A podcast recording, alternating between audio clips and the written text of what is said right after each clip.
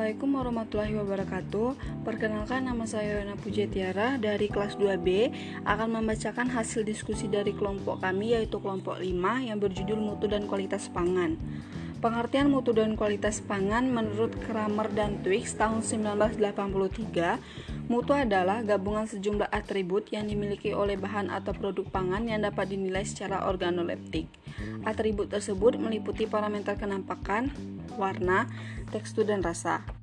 Mutu juga dapat diartikan sebagai derajat penerimaan konsumen terhadap produk yang dikonsumsi berulang, seragam atau konsisten dalam standaran spesifikasi terutama sifat organoleptiknya. Mutu juga dapat dianggap sebagai kepuasan akan kebutuhan dan harga yang didapatkan konsumen dari integritas produk yang dihasilkan produsen. Menurut Fardias tahun 1957, mutu didefinisikan sebagai karakteristik menyeluruh dari suatu wujud apakah itu produk, kegiatan, proses, organisasi, atau manusia yang menunjukkan kemampuannya dalam memenuhi kebutuhan yang telah ditentukan. Karakteristik mutu bahan pangan dikelompokkan menjadi dua, yaitu yang pertama ada karakteristik fisik atau tampak, meliputi penampilan warna, ukuran, bentuk, cacat fisik, dan kinestika yaitu tekstur, kekentalan, dan konsistensi. Yang kedua ada karakteristik tersembunyi, yaitu nilai gizi dan keamanan mikrobiologis. Penurunan mutu bahan pangan Pangan setelah dipanen akan mengalami serangkaian proses perombakan yang mengarah ke penurunan mutu. Ada tiga faktor yang mempengaruhi penurunan mutu. Yang pertama ada kerusakan fisik, yang kedua kerusakan kimiawi, dan yang ketiga ada kerusakan biologis.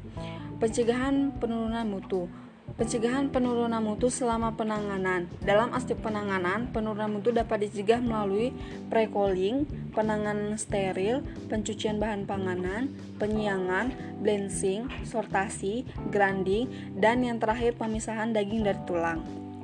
Selama pengawetan, selama pengawetan penurunan mutu dapat dicegah melalui yang pertama penggunaan suhu rendah, yang kedua iradiasi, yang ketiga penggunaan bakteri antagonis, yaitu bakteri yang bekerja secara berlawanan dengan bakteri pembusukan atau patogen.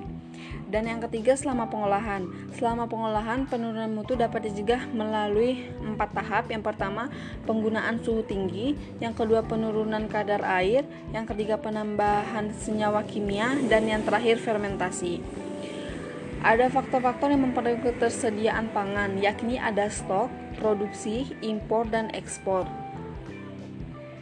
Ada beberapa faktor yang mempengaruhi ketahanan pangan dan yang pertama ada kondisi ekonomi, politik, sosial, dan keamanan.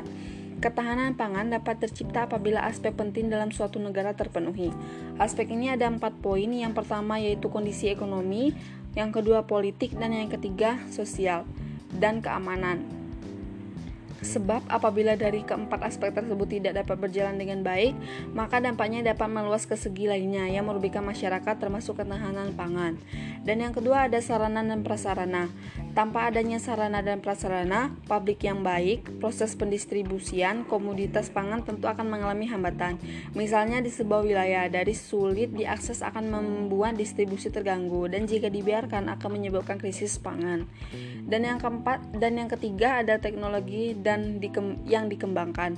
Penggunaan teknologi dapat digunakan pada saat proses tanaman hingga masa panen komoditas pangan.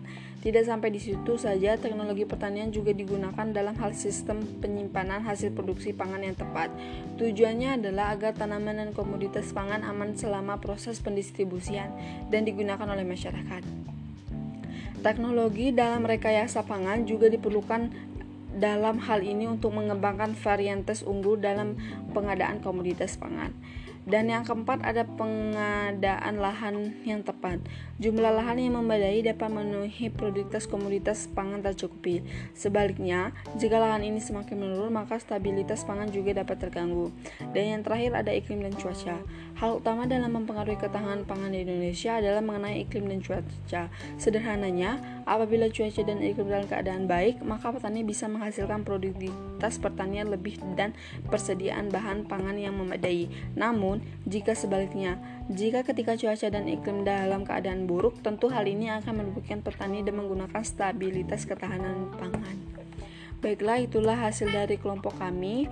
Jika ada salah, kami mohon maaf. Wassalamualaikum warahmatullahi wabarakatuh.